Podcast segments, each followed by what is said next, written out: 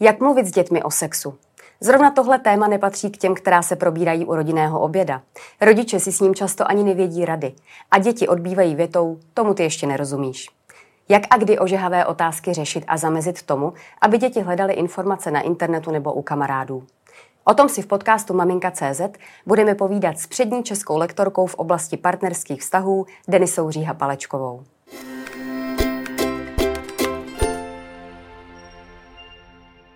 Deniso, vítejte v podcastu Maminka.cz. Dobrý den. Dobrý den. Dnešní téma je, jak mluvit s dětmi o sexu.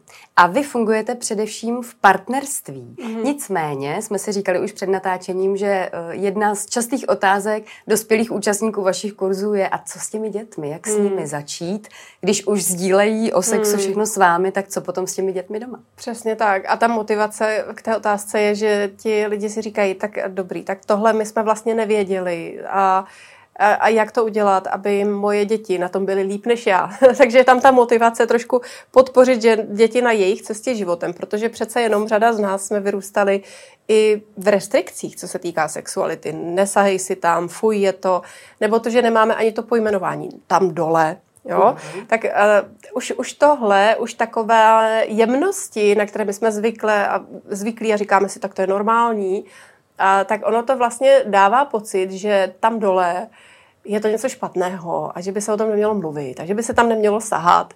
A někteří mají i vzpomínky, tak my, když jsme si hráli s dětma, že teď jsme zkoumali, kdo má jaký pohlaví, holky, kluci a někdo nás načapal a, a byl průšvih. Jo? Bylo to vlastně špatně. Nebo jedna žena vyprávěla, no já si pamatuju, když jsem byla ve školce, tak já jsem si vždycky sahala na pipinku, jako dítě, jako mm-hmm. holčička.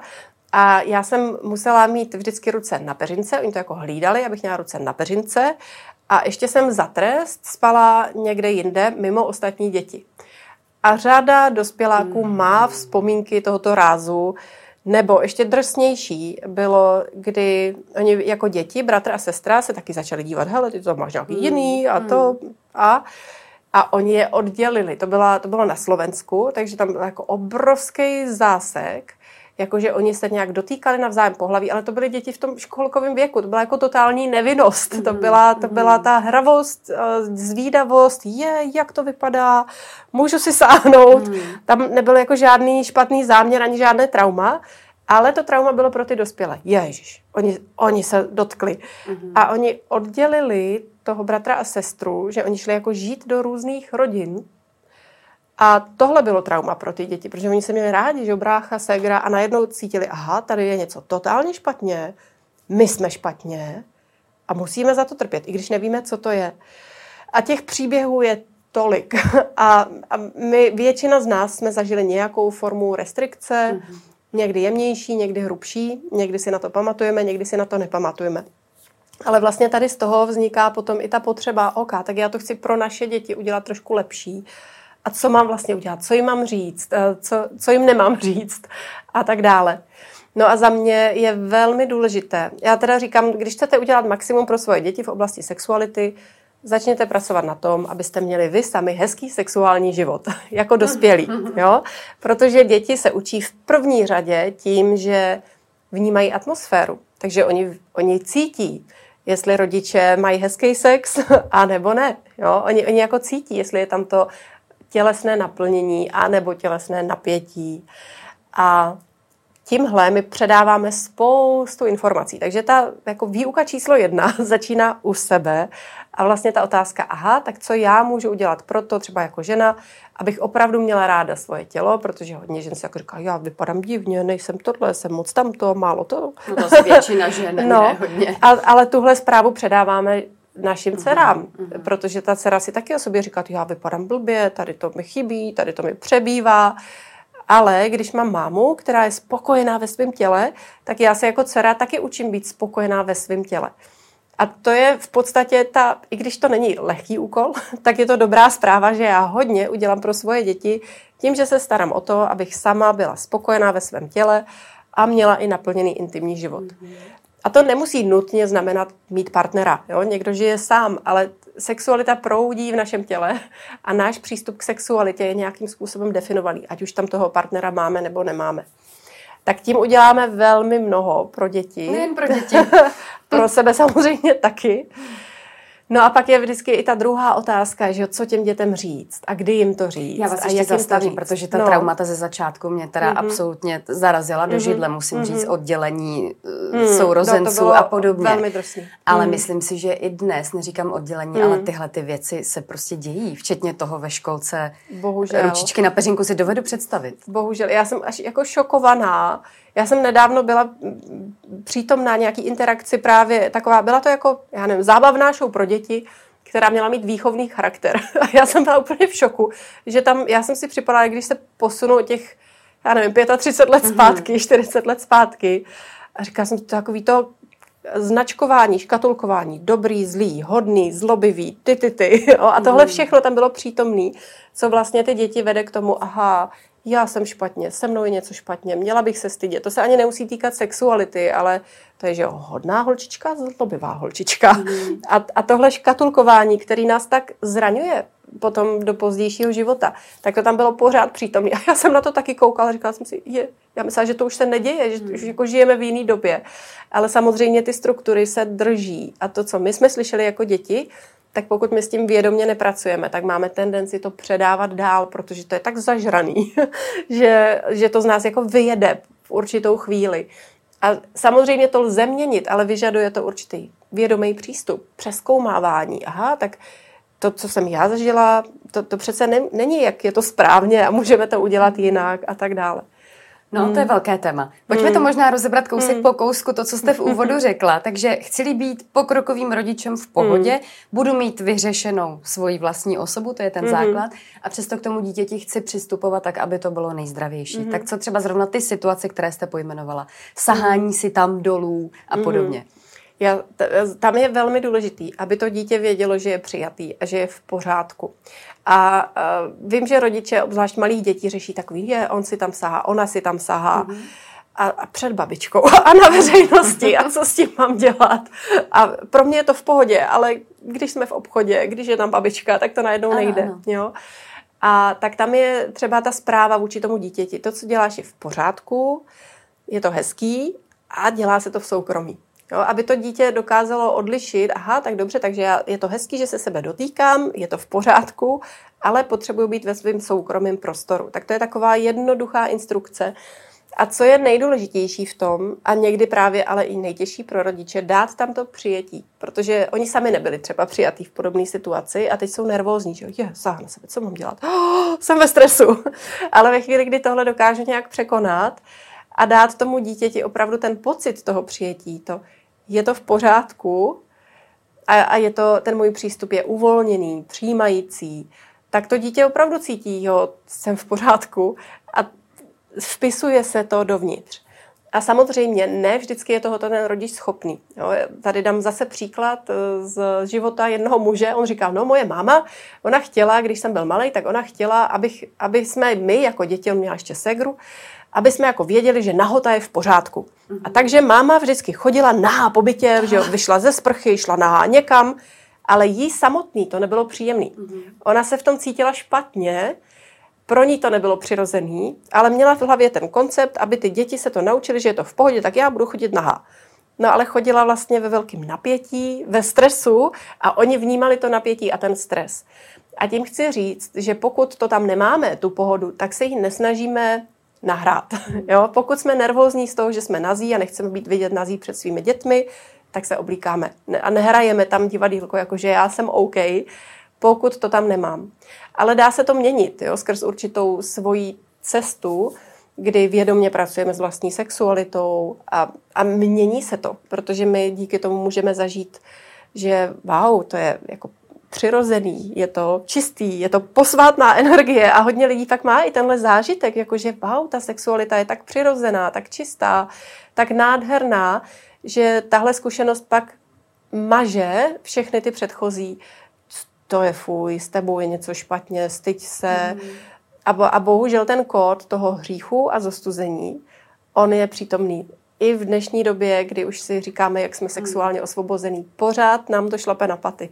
Mm Hmm. Co ty děti poznají na rodičích? Vy už jste to hmm. malinko nakousla v tom začátku, ale ty děti mají opravdu radary asi úplně na všechno. Hmm. Takže to, jak se rodiče před nimi chovají, z toho si děti hmm. určitě taky hodně hmm. berou. Hmm. Určitě. Oni vnímají, oni jsou jako houbičky a oni vnímají míru napětí, uvolnění. Jo? Oni vnímají, že jsou citliví a vnímají všechny ty emoce, které tam běží pod, pod povrchem.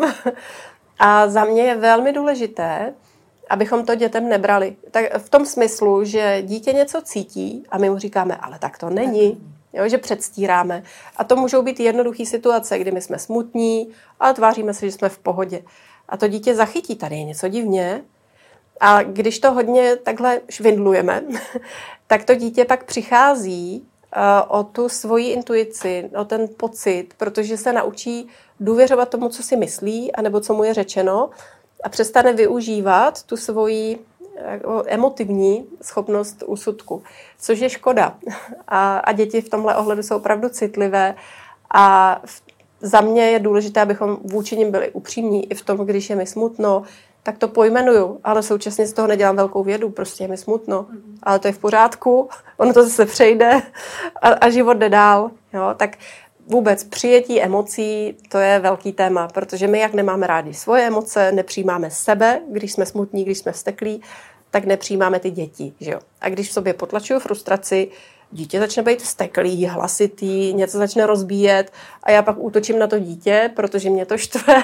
Takže jako emoční management je, myslím, obrovská lekce pro každého rodiče. Každopádně. Eh, když si představíme takovou tu typickou situaci, má-li dojít na hovor o tom, mami, tati, co je to sex, nebo mm-hmm. slyšel jsem ve škole, ve školce, každý to má jinak. Mm-hmm. Jak to udělat tyhle mm-hmm. ty mhm. chvíle? Tak uh, tam je jedna důležitá věc, uh, kterou mnoho rodičů přehlíží, a to je, odpovídat děti, dítěti přesně na to, na co ono se ptá. Protože někdy to dítě přijde jako s nějakou jednoduchou otázkou, na kterou je docela jednoduchá odpověď. A, ale ten rodič už to znervózní a říká, teď bych měla vysvětlit všechno a nevím jak. ale vlastně tomu dítěti stačí třeba ta jedna věta. A dál to neřeší. Jo? Já nevím, hodně malý dítě já nevím, přijde s kondomem a zeptá se, co to je. Jo? A teď já nemusím vysvětlit úplně, úplně všechno, ale řeknu, no to se používá, když já nevím, máma s tátou chtějí se mít rádi a, a nechtějí, nechtějí mít další dítě. A většinou tomu dítěti ta odpověď stačí. Jakože třeba na té úrovni, kde je, vlastně nepotřebuje zkoumat nic dalšího. Ale některé dítě se ptá, aha, jak se to používá a tak dále. Mm. Já bych se vůbec nezdráhala tomu dítěti vždycky přesně odpovědět na to, na co se ptá. Takže já nevím, kondom se navlíkne na penis, jo? Mm. A díky tomu spermie, které vytékají z penisu a způsobují děti, tak eh, vytečou do toho kondomu a nevytečou eh, do malinky. jako vlastně nebát se toho, jo? opravdu jako popsat ty věci biologicky, protože tomu dítěti to přesně tady na té úrovni vrtá hlavou.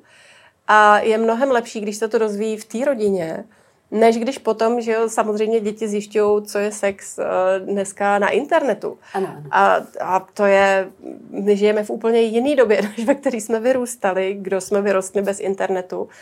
A to, jestli my si jako myslíme, že dítěti ublížíme, že mu vysvětlíme, co je kondom a jak se používá, no vůbec ne. Naopak, spíš můžou být právě citlivější obrazy nějakého, já nevím, sexuálního násilí, že jo? Mm. nebo bohužel velká část pornografie slouží jako určitý model pro to, jak se dělá sex a kde to mají odpozorovat. Prostě ne v pornu. Jo? Takže tam pak vznikají takový scénáře, aha, takhle se to dělá, takhle to uděláme, jo, když to řeknu napřímo do zadku, jdeme do toho. A to je, to je potom traumatizující, kde se vlastně nutíme do něčeho, co vůbec necítíme, protože tak se to dělá. A, a nebo to zkoušíme, že jo, protože jsme to takhle viděli. Tak tam, tam bych viděla mnohem větší zdroj i třeba nějaký emocionální újmy, než to, že mi rodič vysvětlí, jak, jak funguje sex. Přitom rodič se do toho velmi často mm. zamotá. Takže váš krásný příklad mm. na kondobu, já jsem se okamžitě uvědomila, jak často dětem říkáme, na to si ještě malý tomu bys nerozuměl a ty mm. děti ty přinese ten čáp, takže takhle ne. Právě čím menší je to dítě, tím přirozeněji ono vezme tu informaci. Že tam jako je taková ta čistota toho vnímání, aha, takhle to je, OK, hm, hm. A samozřejmě, jak to dítě stárne, tak už víc přemýšlí, pak se tam objeví stud v určitý chvíli, mm. devátý, desátý rok se většinou tvoří jako další dávka studu, kdy aha, už nechci tolik sdílet, už nechci být tolik vidět a tak dále. V podstatě je to dobře, dokud si děti s námi chtějí povídat o sexu, tak eh, je to skvělý a, a od určitého věku pak už chodit nebudou. A, a to je trapný. to je pravda, to potom mm. nastane. Pak se ještě stává taková situace, kterou zažil nejeden rodič a to je, že ho dítě nachytalo při mm. sexu. Mm. Takové ty polozavřené dveře nebo mm. situace, které prostě se tak nějak nadějí a uh, vím ze, ze své vlastní zkušenosti z okolí, že nikdo nevěděl, jak reagovat. Mm. Nikdo. Tak uh, já, já si dovedu představit, že část rodičů zareaguje tak, že třeba to dítě začne odhánět, anebo strne, jo? anebo začne předstírat, že se nic neděje, jo? což si myslím, že jsou hodně kulturně zakotvený scénáře. A to dítě často chce být s těmi rodiči. to dítě často jako vlastně chce být, oni se mají rádi, oni se tam objímají, já tam chci být taky. Jo? Mhm. Takže jeden z možných scénářů je, že prostě to dítě vlastně jde za těma rodičema a, a třeba se tam chce i přitulit, jo, a pak, pak lze ho pozvat jako dál, sice se tím přeruší samozřejmě ta sexuální chvíle, ale to dítě zažívá, že je přijatý v té lásce, jo, a že, že je vlastně taky součástí toho objímání a toho mazlení a že může být v kontaktu s těmi rodiči. A samozřejmě jsou pak chvíle, kdy jako rodiče chcete mít klid, chcete mít svoje soukromí, chcete mít svůj prostor, a což pak, že já nevím, když to dítě tříletý, tak tohle mu ještě těžko vysvětlíte. Ale od určitého věku už se o tom hledá komunikovat. A tak jako třeba komunikujete, hele, to je jako hezký, když si saháš mezi nohy na pindíka, na pipinku, nebo jak tomu budete říkat, tak uh, my, my teďka taky máme svůj prostor pro nás rodiče a tak jako my respektujeme třeba tvůj prostor, což je fajn potom už i v určitém věku, kdy to dítě třeba začne víc masturbovat. Mm-hmm tak jemu dát ten prostor, že mu nevtrhnu do toho do pokojíčku. pokojíčku. A tak jako já respektuji jeho prostor, tak zase předávám i tak, a my taky máme prostor, náš prostor a přejeme si ho mít soukromí a to dítě to respektuje taky, když je tam ten zájemný respekt tak i tímhle způsobem, jo, že se nechceme mít děti úplně všude, vždy a, a na 15 let ne, v 15 už by nechtěli. tak, to už by no, se nepřišli objímat. To už by, to už by nepřišli. No ale tím vším, co říkáte, jim asi hmm. dáváme hodně do života, pojďme hmm. to tím tak uzavřít. Hmm. Veškeré tyhle ty vzorce zdravé mm. si určitě mm. potom přináší. A ta traumata, o kterých jste mluvila mm. na začátku, potom nemusí mm. vznikat. A ještě bych dodala, určitě nechtít po sobě tu dokonalost, jo? že jako samozřejmě bylo by skvělý, kdyby, kdybychom spoustu věcí v sobě měli nastavení jinak, byli přirození, nestyděli se a tak dále. No ale pokud to tam je, tak to tam je a jediný, co můžeme dělat, že si to zvědomujeme. Říkáme, aha, a třeba i trošku si dáme ten prostor zavzpomínat, jaký to bylo, když já jsem byla dítě, když jsem dospívala, co jsem se vlastně naučila o sexu, co jsem se naučila o svém těle, jak mi to bylo předáváno, co jsem slyšela, co jsem vnímala z toho rodinného prostředí, jak to měli se sexem rodiče, eh, jaký hlášky jsem slyšela, jak proběhla sexuální výchova ve škole. A vlastně si zvědomovat, co všechno jsme načerpali a samozřejmě spousta z toho, co jsme načerpali, nám vůbec nesloužila dobře. Ale tak my si to zvědomíme, uvědomíme a to je dobrý začátek pro to, abychom to mohli začít dělat jinak. Mm-hmm. Takže vzpomenout si na ty mm. situace naše, mm. co nám bylo k dobru a co mm. naopak vnímáme úplně mm. jinak. Mm-hmm. Tak přejme všem rodičům, ať to vyjde, ať hovory o mm. sexu, o kondomech mm. a dalších těchto záležitostech doma padnou na úrodnou půdu a poslouží rodičům i dětem. To byla Denisa Říha Palečková, moc děkuji za krásný rozhovor, díky. Děkuji za pozvání.